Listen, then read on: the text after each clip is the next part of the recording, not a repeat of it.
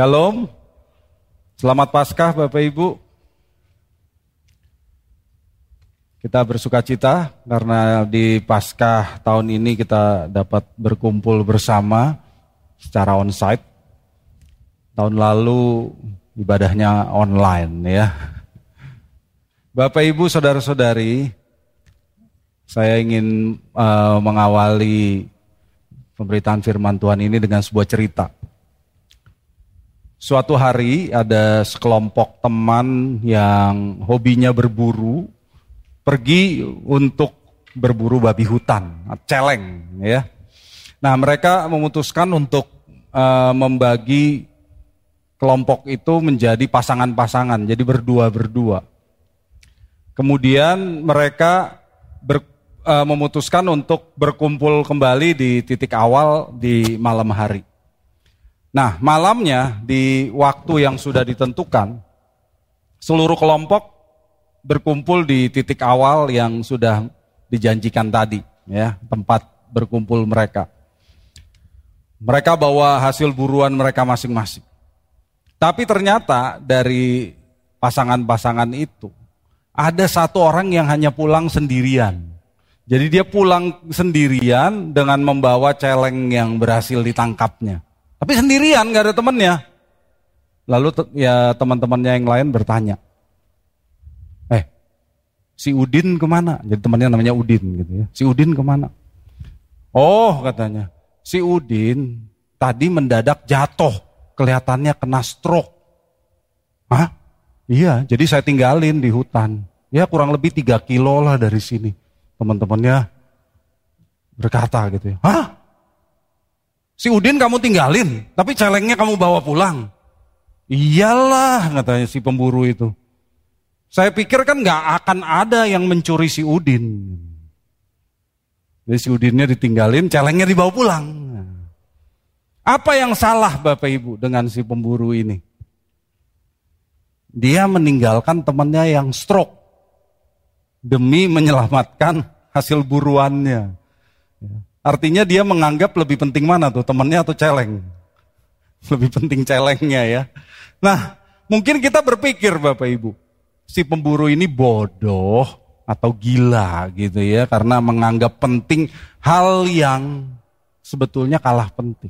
Dan menganggap tidak penting hal yang sebetulnya lebih penting.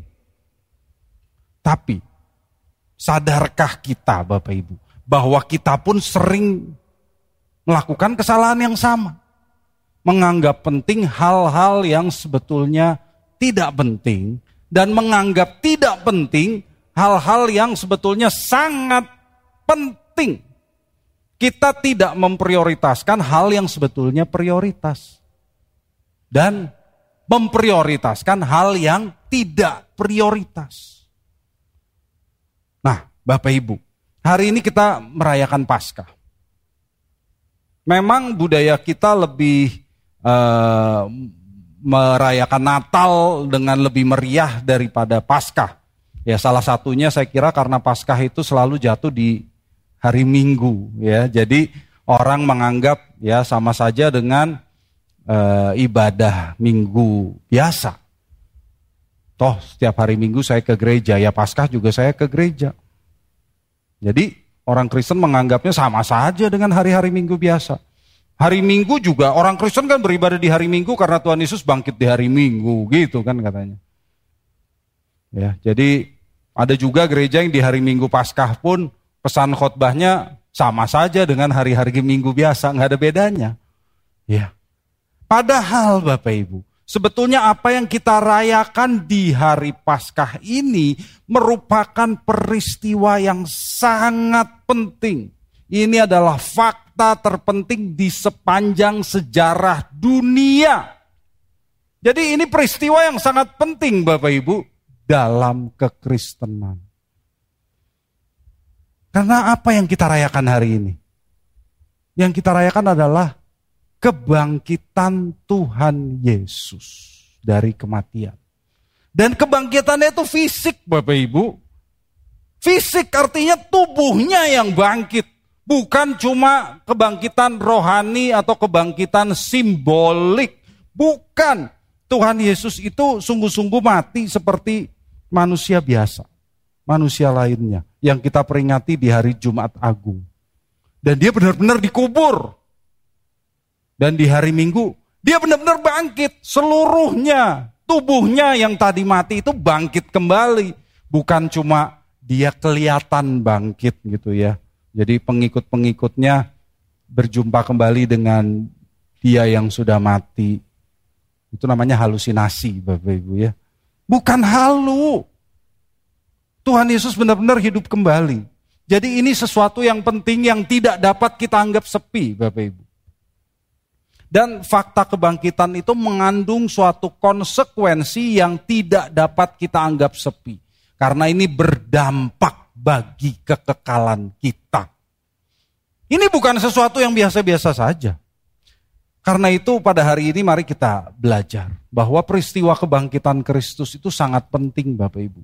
Sehingga kita harus mengalami konsekuensinya dalam kehidupan kita. Mari kita buka Alkitab kita di 1 Korintus 15. 1 Korintus 15. Saya akan bacakan mulai dari ayat 1 sampai 4 terlebih dahulu. 1 Korintus 15 ayat 1 sampai 4. Dan sekarang saudara-saudara, Aku mau mengingatkan kamu kepada Injil yang aku beritakan kepadamu dan yang kamu terima dan yang di dalamnya kamu teguh berdiri. Oleh Injil itu kamu diselamatkan. Asal kamu teguh berpegang kepadanya. Seperti yang telah kuberitakan kepadamu kecuali kalau kamu telah sia-sia saja menjadi percaya. Sebab yang sangat penting telah kusampaikan kepadamu yaitu apa yang telah kuterima sendiri, ialah bahwa Kristus telah mati karena dosa-dosa kita sesuai dengan kitab suci, bahwa ia telah dikuburkan dan bahwa ia telah dibangkitkan pada hari yang ketiga, sesuai dengan kitab suci. Bapak, Ibu, saudara-saudariku yang terkasih dalam Tuhan Yesus Kristus. Mungkin di antara Bapak Ibu yang hadir atau yang mengikuti ibadah ini secara online, ada yang menganggap kebangkitan Kristus itu hanya mitos. Cerita simbolis yang disampaikan untuk memotivasi orang. Tapi Alkitab menegaskan bahwa kebangkitan Kristus secara fisik adalah suatu fakta yang benar-benar terjadi. Tentu banyak orang yang mengkritik kekristenan. Kaum ateis mengkritik kekristenan, mengatakan peristiwa ini tidak benar-benar terjadi. Mitos itu. Mana ada orang mati bangkit. Tapi para teolog Kristen juga banyak yang sudah membuat karya ilmiah untuk membuktikan bahwa kebangkitan Kristus itu benar. Bukti-buktinya juga sangat kuat Bapak Ibu dan bisa diverifikasi. Yang menunjukkan bahwa kekristenan itu bukan sekadar agama yang dibangun atas dasar asumsi, spekulasi, hipotesis belaka. Bukan. Jadi jangan kita katakan, yang penting percaya aja udah, nggak usah cari bukti-bukti. Tapi akhirnya dasar kita asumsi spekulasi yang dikasih label iman. Nah, kekristenan itu bukan begitu, Bapak Ibu. Kekristenan itu dibangun di atas Tuhan Yesus Kristus. Firman Allah yang menjadi manusia. Dia sungguh-sungguh pernah hadir di dunia ini, Bapak Ibu. Iman dalam kekristenan itu bukan percaya tanpa dasar. Saya ulangi ya, iman dalam kekristenan bukan percaya tanpa dasar. Ada dasarnya. Dasarnya apa? Allah kita yang telah terbukti bisa dipercaya di sepanjang sejarah dunia ini. Membuktikan bahwa janji-janjinya juga layak untuk dipercaya. Jadi ada dasarnya Bapak Ibu. Ada bukti sejarahnya. Kalau bukti sejarah itu benar, maka janji-janji Tuhan untuk masa yang akan datang pasti benar juga. Itulah kekristenan Bapak Ibu. Hari ini saya tidak ingin membahas panjang lebar tentang karya ilmiah. Nanti Bapak Ibu tidur semua gitu ya. Tapi saya ingin membahas tentang bukti-bukti yang disampaikan oleh Paulus dalam suratnya 1 Korintus pasal 15. Nah, poin yang pertama Bapak Ibu. Paulus mengatakan kebangkitan Kristus sudah dinubuatkan dalam perjanjian lama. Kebangkitan Kristus sudah dinubuatkan dalam perjanjian lama. Tadi kita membaca di 1 Korintus 15 ayat 3 sampai 4. Paulus berkata bahwa kematian, penguburan dan kebangkitan Kristus itu terjadi sesuai dengan kitab suci. Kalau Paulus menulis kitab suci, zaman itu yang namanya kitab suci itu perjanjian lama. Perjanjian baru itu sedang ditulis Bapak Ibu. Jadi kitab suci itu perjanjian lama. Perjanjian lama memang mengajarkan bahwa orang mati akan dibangkitkan. Ya. Oh, perjanjian lama mengajarkan orang mati akan dibangkitkan. Dan ayat-ayat mesianik di perjanjian lama juga menunjukkan bahwa Mesias akan dibangkitkan. Jadi kalau Tuhan Yesus itu Mesias, pasti dia dibangkitkan. Coba kita lihat ayat-ayat mesianik ini. Yesaya 53 ayat 9 dan 10. Yesaya 53 ayat 9 dan 10. Orang menempatkan kuburnya di antara orang-orang fasik dan dalam matinya ia ada di antara penjahat-penjahat. Sekalipun ia tidak berbuat kekerasan dan tipu tidak ada dalam mulutnya. Tetapi Tuhan berkehendak meremukkan dia dengan kesakitan. Apabila ia menyerahkan dirinya sebagai korban penebus salah, ia akan melihat keturunannya. Umurnya akan lanjut dan kehendak Tuhan akan terlaksana olehnya. Bapak Ibu, saudara-saudariku yang terkasih dalam Tuhan Yesus Kristus. Di sini jelas terlihat dalam ayat yang tadi kita lihat ya.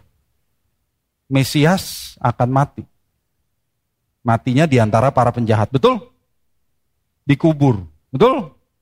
Ya, karena dia menyerahkan dirinya sebagai korban penebus salah katanya. Betul? Betul. Dia akan bangkit. Ayat ini juga mengatakan dia akan bangkit. Tahu dari mana Bapak? Karena dikatakan dia akan melihat keturunannya. Umurnya akan lanjut. Dan dia masih akan melaksanakan kehendak Tuhan. Berarti dia hidup lagi dong. Lah keturunannya siapa? Ya kita Bapak Ibu. Kita keturunannya dalam arti buah pelayanan Tuhan Yesus. Kita. Jadi Tuhan Yesus masih akan bangkit kembali secara fisik. Jelas. Perjanjian lama juga mengatakan begitu. Lalu ada nggak ayat yang mengatakan bahwa Mesias akan bangkit di hari ketiga? Oh jelas ada dong. Jelas ada. Perjanjian lama itu penuh dengan nubuatan semacam ini. Sejak kitab kejadian di Abraham mempersembahkan Ishak. Ya, dari sejak Abraham menerima perintah Tuhan untuk mempersembahkan Ishak sampai dengan dia naik ke Bukit Moria dan mau menyembelih Ishak tapi diganti dengan domba. Ada berapa lama? Tiga hari Bapak Ibu. Tiga hari. Kejadian 22 ayat 4. Nggak usah dibaca ya, nanti boleh baca di rumah. Tiga hari itu simbol bahwa Abraham menerima Ishak kembali dari kematian. Jadi Ishak itu bagi dia kan tadinya sudah mati. Tetapi dia menerimanya kembali berarti Ishak hidup kembali buat dia. Itu tiga hari. Yunus ada di perut ikan berapa lama? Tiga hari. Lalu coba kita lihat ini. Hosea 6 ayat 2. Hosea 6 ayat 2. Ia akan menghidupkan kita sesudah dua hari. Berarti di hari yang ketiga. Pada hari yang ketiga ia akan membangkitkan kita dan kita akan hidup di hadapannya. Nah, coba. Ya. Di, di perjanjian lama tuh memang sudah dinubuatkan Bapak Ibu. Bahwa Mesias akan bangkit di hari yang ketiga. Maka Paulus berkata, eh orang Korintus, jangan heran kalau Kristus dibangkitkan pada hari yang ketiga. Karena itu sudah dinubuatkan dalam perjanjian lama. Jangan mengatakan, ah itu kan karangan murid-murid Yesus saja. Loh, Alkitab sudah mengatakannya, kata Paulus. Kalau kamu, orang-orang Yahudi, percaya kepada kitab suci kamu, yaitu perjanjian lama. Ya kamu percaya dong, Mesias akan dibangkitkan kembali di hari yang ketiga. Ya, jadi bukti yang pertama adalah karena memenuhi memenuhi eh, nubuat perjanjian lama. Oke, poin yang kedua yang dikatakan oleh Paulus sebagai bukti bahwa Tuhan Yesus dibangkitkan. Kebangkitan Kristus dibuktikan oleh para saksi mata. Saksi matanya banyak loh. Coba kita lihat di 1 Korintus 15 ayat 5 sampai 8. 1 Korintus 15 ayat 5 sampai 8. Bahwa ia Yesus telah menampakkan diri kepada Kefas dan kemudian kepada kedua belas muridnya Sesudah itu ia menampakkan diri kepada lebih dari 500 saudara sekaligus. Kebanyakan dari mereka masih hidup sampai sekarang. Tetapi beberapa di antaranya telah meninggal. Selanjutnya ia menampakkan diri kepada Yakobus, kemudian kepada semua rasul. Dan yang paling akhir dari semuanya, ia menampakkan diri juga kepadaku, sama seperti kepada anak yang lahir sebelum waktunya. Bapak Ibu, saudara-saudari yang dikasih Tuhan. Di 1 Korintus 15 ayat 5 sampai 8 tadi, Paulus menulis nama-nama orang yang melihat Yesus setelah dia bangkit. Di ayat 5 ditulis nama Kefas. Kefas itu nama bahasa Aram dari Ya. Jadi kalau waktu Tuhan Yesus berkata kepada Petrus, "Engkau adalah Petrus." Sebetulnya kan Tuhan Yesus bicara bahasa Aram dengan Petrus. Jadi Tuhan Yesus berkata, engkau adalah kefas. Petrus itu bahasa Yunani. ya. Petrus adalah murid laki-laki pertama yang melihat Yesus setelah kebangkitannya. Kok saya bilang murid laki-laki? Iya. Petrus disebut pertama kali ya. Karena Tuhan juga ingin menampakkan diri kepada Petrus yang telah menyangkal Yesus tiga kali sebelum kematian Yesus ya. Dan kemudian kata Paulus, Yesus juga sudah bertemu dengan para murid. Kenapa saya katakan tadi Petrus itu murid laki-laki pertama yang bertemu dengan Yesus? Karena sebelumnya Yesus bertemu dengan siapa setelah bangkit? Maria Magdalena, perempuan. Kenapa Petrus nggak tulis? Karena menurut orang-orang Yahudi, kesaksian perempuan itu tidak perlu diindahkan. Jadi Petrus nggak perlu tulis di situ karena pembacanya yang orang Yahudi juga baca ah cewek. ya jadi dia nggak tulis. Tapi sebetulnya yang pertama bertemu dengan Yesus setelah bangkit itu perempuan Maria Magdalena. Ya. Jadi yang ditulis adalah murid laki-laki yang pertama yang bertemu Yesus yaitu Petrus. Dan yang luar biasa Bapak Ibu. Di ayat 6 Paulus mengatakan Yesus yang sudah bangkit itu dilihat oleh 500 orang sekaligus. Yang kebanyakan masih hidup pada saat Paulus menuliskan suratnya ini. Paulus menulis surat ini di tahun 55. Jadi 25 tahun setelah kebangkitan Yesus. Ya, 25 tahun setelah kebangkitan Yesus. Jadi kata Paulus, kamu gak percaya itu 500 orang itu, kebanyakan masih hidup 25 tahun kemudian. Kebanyakan masih hidup, beberapa memang sudah meninggal. Tapi kalau kamu nggak percaya, tanya tuh. Kebanyakan orang-orangnya masih hidup. Masa 500 orang halu bareng bareng-bareng? Kan nggak mungkin gitu loh. Ya 500 orang semuanya halusinasi massal. Ya nggak mungkin dong kata Paulus. Kamu tanya aja tuh, masih hidup mereka. Ya, jadi Cerita ini bukan karangan, kata Paulus.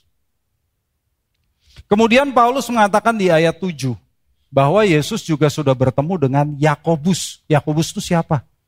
Adiknya Yesus sendiri. Adiknya Yesus, bukan Rasul Yakobus ya. Kenapa Yakobus disebut? Karena Yakobus itu pemimpin gereja di Yerusalem. Jadi dia adalah orang penting. Kalau nggak percaya tanya tuh pemimpin gereja Yerusalem, Yakobus. Dan yang penting adalah di ayat 8 Paulus bersaksi bahwa dia sendiri pun pernah berjumpa dengan Yesus Kristus yang sudah bangkit. Tuhan Yesus menampakkan diri kepadanya di jalan menuju Damsyik. Ya, Paulus juga berkata, aku pun pernah bertemu dia. Di ayat 9 Paulus tadi berkata, aku ini dulunya penganiaya jemaat Allah. Berarti sama sekali dia tidak pernah mengharapkan untuk berjumpa dengan Kristus. Dia itu penganiaya jemaat. Mana mungkin dia berharap berjumpa dengan Kristus yang bangkit. Nggak mungkin Bapak Ibu. Dia musuhnya Kristus di waktu itu. Nggak ada alasan buat Paulus untuk mengarang cerita bohong tentang kebangkitan Kristus. Nggak ada alasan Paulus berhalusinasi karena dia sangat mencintai Kristus. Orang dia musuhnya Kristus kok. Jadi nggak ada nggak ada alasan bagi dia. Buat apa orang yang bukan pem, bukan pengikut Kristus, yang memusuhi Kristus, mengarang cerita tentang kebangkitan Kristus. Jadi nggak ada alasan buat Paulus untuk mengalami itu, mengarang cerita itu, lalu dia bersaksi. Kalau dia bersaksi artinya apa? Itu benar-benar terjadi Bapak Ibu. Nggak ada alasan lain. Itu benar-benar terjadi. Dan kalau kita tahu, musuh-musuh Yesus juga tidak bisa menyangkal kebangkitan Kristus. Musuh-musuh Yesus tidak bisa menyangkal kesaksian para saksi mata itu. Karena kubur Yesus benar-benar kosong. Ya, benar-benar kosong. Kalau musuh-musuh Yesus, orang-orang Yahudi itu, ingin menyangkal bahwa Kristus bangkit, mudah atau sulit? Mudah. Tunjukkan aja mayatnya ada di mana. Beres kan? Tuh ada mayatnya. Tapi memang nggak ada mayatnya. Jadi mereka terpaksa mengklaim murid-murid Yesus mencuri mayatnya. Ya kan? Karena mayatnya memang nggak ada. Orang-orang Yahudi itu mengakui bahwa Tuhan Yesus memang mati. Cuma mereka nggak mengakui Yesus bangkit. Makanya mereka berkata, mayat Yesus dicuri oleh murid-muridnya. Padahal kalau dicuri itu berbahaya sekali tuh. Karena kubur Yesus dijaga oleh tentara Romawi kan. Wah, kalau dijaga tentara Romawi, mayatnya dicuri, tentara Romawi yang menjaga itu udah dihukum mati tuh. Ya, makanya kalau Bapak Ibu baca di Injil, tentaranya disogok, lalu mereka ngomong ke Pilatus. Jadi kalau kamu ditanyain bilang aja ke Pilatus, nanti Pilatus akan uh, hubungin kita. Gitu katanya udah udah udah kong kali kong semua lah itu ya. Kalau enggak mereka mati itu penjaganya. Nah, itu bukti yang kedua Bapak Ibu. Bukti yang ketiga. Kebangkitan Kristus dibuktikan oleh perubahan hidup. Kebangkitan Kristus dibuktikan oleh perubahan hidup. Nah, Bapak Ibu, Paulus berkata gini, kalau Yesus nggak bangkit, buat apa aku berubah dari seorang penganiaya jemaat jadi rasul yang begitu bekerja keras buat Allah? Coba kita lihat. 1 Korintus 15 ayat 9 sampai 11. 1 Korintus 15 ayat 9 sampai 11. Karena aku adalah yang paling hina dari semua rasul. Bahkan sebab aku bahkan tidak layak disebut rasul sebab aku telah menganiaya jemaat Allah. Tetapi karena kasih karunia Allah, aku adalah sebagaimana aku sekarang. Dan kasih karunia yang dianugerahkannya kepadaku tidak sia-sia. Sebaliknya, aku telah bekerja lebih keras daripada mereka semua. Tetapi bukannya aku, melainkan kasih karunia Allah yang menyertai aku. Sebab itu, baik aku maupun mereka, Demikianlah kami mengajar dan demikianlah kamu menjadi percaya. Bapak ibu saudara-saudari yang dikasih Tuhan. Gak ada alasan buat Paulus untuk berubah. Selain bahwa Tuhan Yesus benar-benar bangkit. Ya. Dia tadinya penganiaya jemaat kok bisa berubah drastis 180 derajat. Kita tahu para murid juga mengalami perubahan yang sama. Petrus berubah dari seorang pengecut yang menyangkal Yesus karena ketakutan, ketahuannya juga cuma oleh seorang hamba perempuan Bapak Ibu. Itu aja udah ketakutan coba. Betapa kita lihat dia pengecut. Padahal dia bersumbar, eh, aku rela masuk penjara, aku rela mati buat Tuhan. Ketemu hamba perempuan aja keok. Betul nggak? Demikian juga dengan para rasul lainnya. Mereka langsung berubah total setelah Yesus bangkit. Sekarang pertanyaan saya, ada nggak sedemikian banyak orang yang rela mati demi suatu kebohongan? Kalau Yesus nggak benar-benar bangkit, kok mereka bisa berubah total begitu? Ada enggak? Mana mungkin orang berani mati kalau mereka tahu bahwa kebangkitan Kristus itu cuma hoax.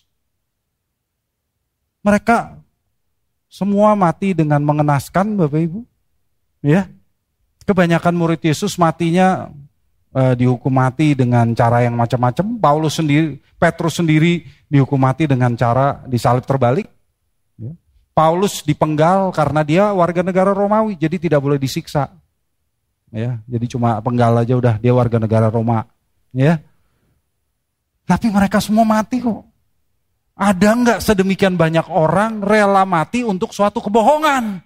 Ya nggak mungkin gitu aja Bapak Ibu. Jadi perubahan hidup mereka itu jelas membuktikan bahwa Kristus benar-benar bangkit Bapak Ibu. Maka melihat fakta-fakta ini kita harus mengaku bahwa kebangkitan Kristus itu benar-benar sesuatu yang sangat penting. Dan itu mendasari iman Kristen Bapak Ibu. Coba kita lihat 1 Korintus 15 ayat 17 sampai 19. Dan jika Kristus tidak dibangkitkan, maka sia-sialah kepercayaan kamu dan kamu masih hidup dalam dosamu. Demikianlah binasa juga orang-orang yang mati dalam Kristus. Jikalau kita hanya dalam hidup ini saja mengenaruh pengharapan pada Kristus, maka kita adalah orang-orang yang paling malang dari segala manusia. Ya, Paulus berkata, Bapak Ibu Saudara-saudari yang dikasih Tuhan, seandainya Kristus tidak dibangkitkan, maka sia-sialah kepercayaan kita dan kita masih hidup dalam dosa. Maksudnya, tanpa kebangkitan Kristus tidak ada penebusan. Tidak ada kelahiran baru. Tidak ada pengudusan.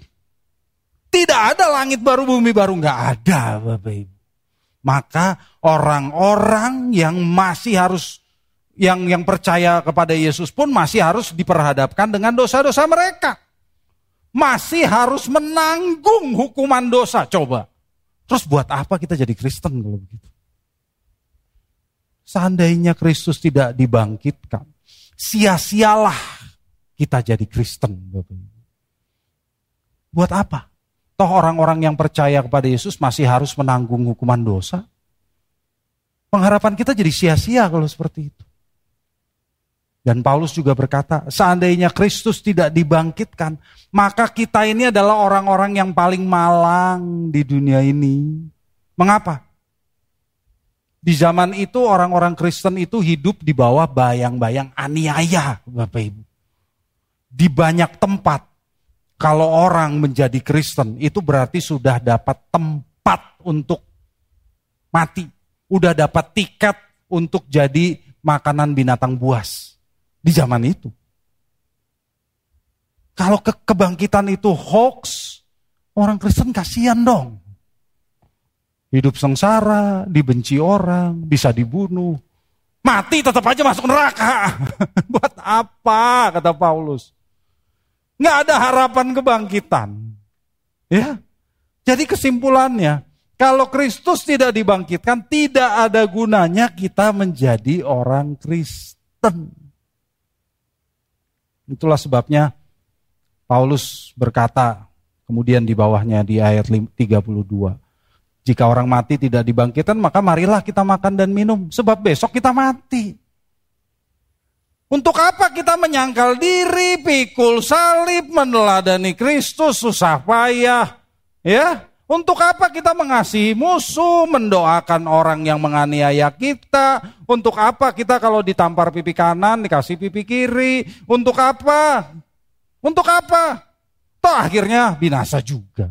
Lebih baik kata Paulus, kalau Kristus nggak bangkit udah bersenang-senang aja seperti orang lain. Makan, minum, hura-hura Ura kata orang Rusia gitu ya. Benar nggak? Kalau Kristus nggak bangkit buat apa jadi Kristen? Tapi puji Tuhan, Kristus bangkit. Amin. Jadi kita harus lihat di sini loh perbedaan kekristenan dari agama-agama lain. Kekristenan itu bukan sekedar agama yang mengajarkan bagaimana hidup dalam kedamaian, kerukunan, persaudaraan dengan orang-orang lain. Kekristenan itu bukan sekedar jalan untuk mendapatkan ketenangan batin, bukan mendapatkan hidup yang bersuka cita. Bukan, bukan cuma itu. Tanpa kebangkitan Kristus, kekristenan itu sia-sia. Mengapa? Karena kekristenan itu adalah jalan yang sempit, jalan yang sukar, jalan yang mahal. Yang kita jalani demi Kristus. Lalu kalau Kristusnya nggak bangkit, buat apa kita hidup dalam jalan yang sempit, jalan yang sukar, jalan yang mahal? Buat apa? Nggak ada gunanya Bapak Ibu. Buat apa coba? Kita mengorbankan harta, mengorbankan waktu, mengorbankan kesenangan kita. Kalau akhirnya toh binasa juga, buat apa? Karena itu, kebangkitan Kristus mempunyai konsekuensi, Bapak Ibu. Kalau kita meyakini bahwa Kristus benar-benar sudah bangkit, tadi bukti-buktinya sudah saya sampaikan. Maka kita harus menganggapnya sangat penting. Tadi Paulus juga mengatakan ini hal yang sangat penting. Ini sangat penting dan harus memengaruhi seluruh kehidupan. Konsekuensi kebangkitan Kristus adalah kita harus mengutamakan Tuhan dan kerajaannya. Amin.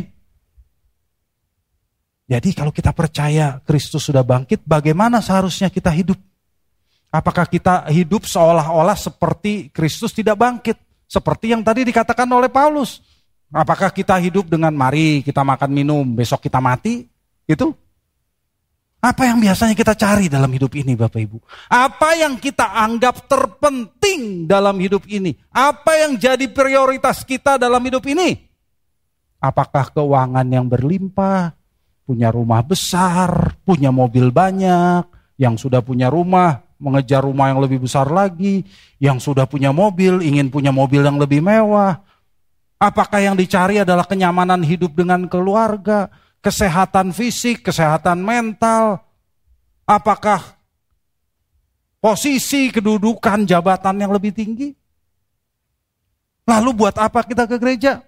Buat apa kita berdoa? Buat apa kita berpuasa?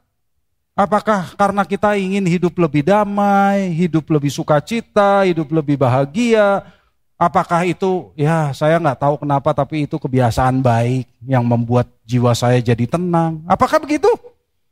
Apakah kita ke gereja supaya Tuhan memenuhi permohonan kita, sehingga kita dapat mencapai cita-cita kita dengan lebih baik? Apakah kita ke gereja supaya sembuh dari penyakit, penyakit fisik maksudnya. Apakah supaya hidup kita damai, tentram, terhindar dari segala masalah dan malapetaka? Jadi apa yang kita anggap penting kalau begitu Bapak Ibu? Kalau yang tadi yang saya katakan, yang kita anggap penting tidak lain dan tidak bukan adalah diri kita sendiri Bapak Ibu. Kita menganggap penting diri kita sendiri. Kita hidup supaya bisa makan, bisa minum sekarang sebab besok kita mati. Betul nggak? Yang penting apa? Hari ini kita bahagia, itu kan. Lalu kenapa ikut Tuhan? Ya, supaya Tuhan membahagiakan saya. Tuh kan saya lagi kan. Jadi jangan salah prioritas Bapak Ibu. Jangan salah fokus. Saya percaya nggak ada Bapak Ibu yang mengatakan seperti itu ya. Yang penting saya makan minum besok saya mati nggak ada. Yang penting tuh saya ke gereja supaya Tuhan membahagiakan saya. Secara langsung juga nggak ada orang ngomong begitu. Tapi dari kehidupan kita sehari-hari tampak apakah kita hidup untuk diri kita sendiri atau untuk Tuhan. Dari kehidupan kita sehari-hari tampak apakah kita menganggap diri kita lebih penting atau menganggap Tuhan lebih penting dari kehidupan kita sehari-hari tampak Apakah kita percaya Kristus bangkit atau tidak? Jadi ingat sekali lagi Bapak Ibu, konsekuensi kebangkitan Kristus adalah kita harus mengutamakan Tuhan dan kerajaannya. Fokus hidup kita haruslah Tuhan dan kerajaannya. Segala yang kita lakukan haruslah untuk Tuhan dan kerajaannya. Tidak ada yang lain. Amin kurang dari itu berarti seperti tadi dikatakan Paulus dalam 1 Korintus 15 ayat 2. Kalau kurang dari itu berarti kita percaya dengan sia-sia kata Paulus. Artinya apa? Kenapa Paulus mengatakan tadi kecuali kamu percaya dengan sia-sia? Artinya kita tidak percaya bahwa Kristus sesungguhnya sudah bangkit. Paulus menunjukkan sendiri loh Bapak Ibu dalam hidupnya seperti apa sih orang yang percaya bahwa Kristus bangkit? Paulus mengatakan ini, seperti aku, ini orang yang percaya Yesus bangkit. Aku berubah dari tadinya seorang Farisi yang sangat bersemangat untuk menganiaya pengikut Kristus. Menganiaya jemaat, kejar tangkap mereka, mereka sudah menghina agama, menghujat Tuhan. Gitu kan? Dia berubah Bapak Ibu berubah total menjadi orang yang menyangkal diri, memikul salib, mengikut Kristus, meneladani dia. Dan itu terjadi setelah Yesus yang sudah bangkit itu menampakkan diri kepadanya. Pak, tapi kan Tuhan Yesus nggak menampakkan diri kepada saya, Pak. Nah, Memangnya Tuhan perlu menampakkan diri kepada semua orang? Kan enggak Bapak Ibu. Dari bukti-bukti yang sudah dinyatakan dalam perjanjian baru, seharusnya kita percaya. Jangan seperti Thomas, ya, yang harus menaruh jarinya dulu di lubang bekas paku dan di lubang bekas tusukan tombak, baru percaya. Bukankah Tuhan Yesus sendiri berkata coba di Yohanes 20 ayat 29, Yohanes 20 ayat 29. Kata Yesus kepadanya, karena engkau telah melihat aku, maka engkau percaya. Berbahagialah mereka yang tidak melihat, namun percaya. Ya. Kita sering mendengar ayat ini Bapak Ibu. Tapi ingat, kekristenan itu bukan percaya bukta. Bukan percaya tanpa dasar. Karena Alkitab sudah menunjukkan bukti-bukti bahwa Yesus benar-benar bangkit. Dan Yohanes yang tadi menuliskan ayat itu juga menuliskan bahwa dia menulis Injilnya supaya orang percaya bahwa Yesus benar-benar Mesias. Jadi berdasarkan apa yang dituliskan oleh Alkitab, tanpa Tuhan menampakkan dirinya sendiri kepada kita, kita pun harusnya percaya. Karena jika kita percaya, kita berbahagia. Amin. Dan Bapak Ibu, sekali lagi saya ingatkan, percaya itu bukan sekedar percaya di otak ya. Iman tanpa perbuatan pada hakikatnya adalah mati. Jadi percaya itu harus tampak dalam kehidupan kita sehari-hari. Jika kita percaya bahwa Yesus benar-benar bangkit, maka kita menerima konsekuensi kebangkitannya. Bahwa fokus hidup kita, prioritas hidup kita hanya Tuhan dan kerajaannya. Amin. Itulah konsekuensi kebangkitan Kristus. Sehingga seperti Paulus, kita pun akan menyangkal diri, kita pun akan memikul salib, dan kita pun akan meneladani Yesus dalam segala apa pun yang dilakukannya.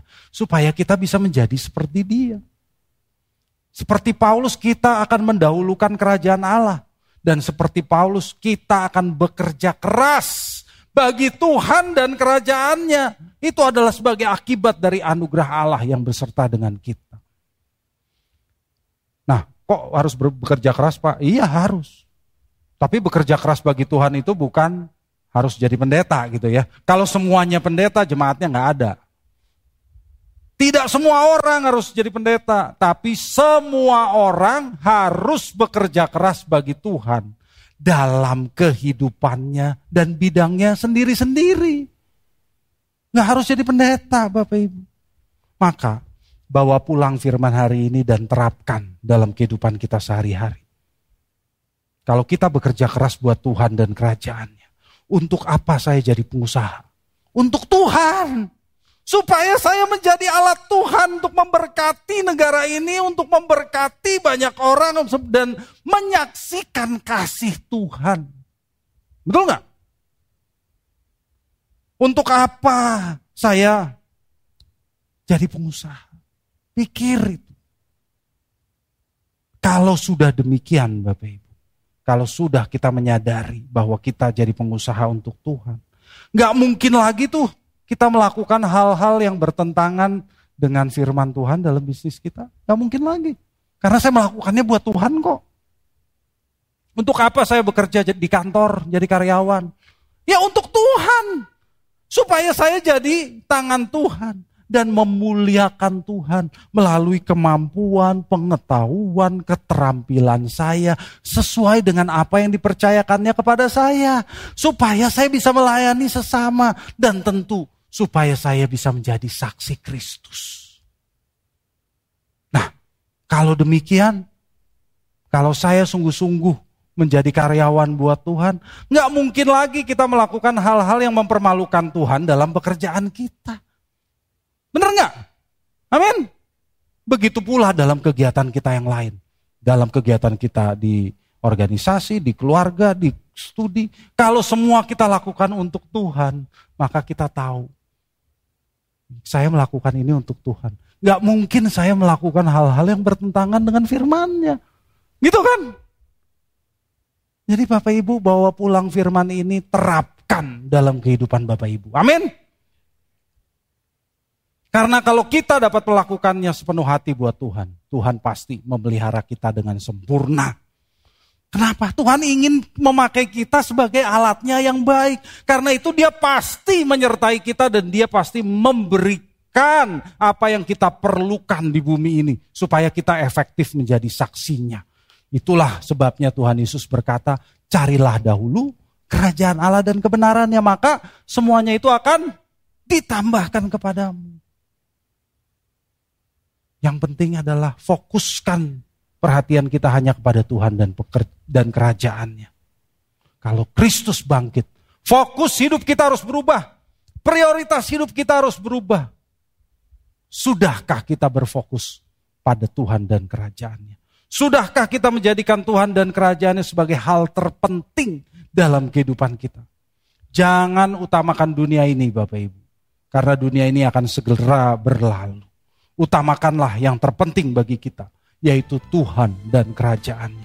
Maka dia pun akan menyambut kita di kekekalan, di rumah kita yang sesungguhnya, di langit baru dan bumi baru, di surga yang mulia yang telah disiapkan oleh Tuhan bagi kita. Amin. Bagi Bapak, Ibu, Saudara-saudari yang terpanggil untuk mendukung pelayanan GSKI Pluit dapat memberikan persembahan ke rekening BCA KCU Pluit dengan nomor 1686533388 atas nama GSKI Pluit. Terima kasih atas dukungan persembahan saudara. Tuhan Yesus memberkati.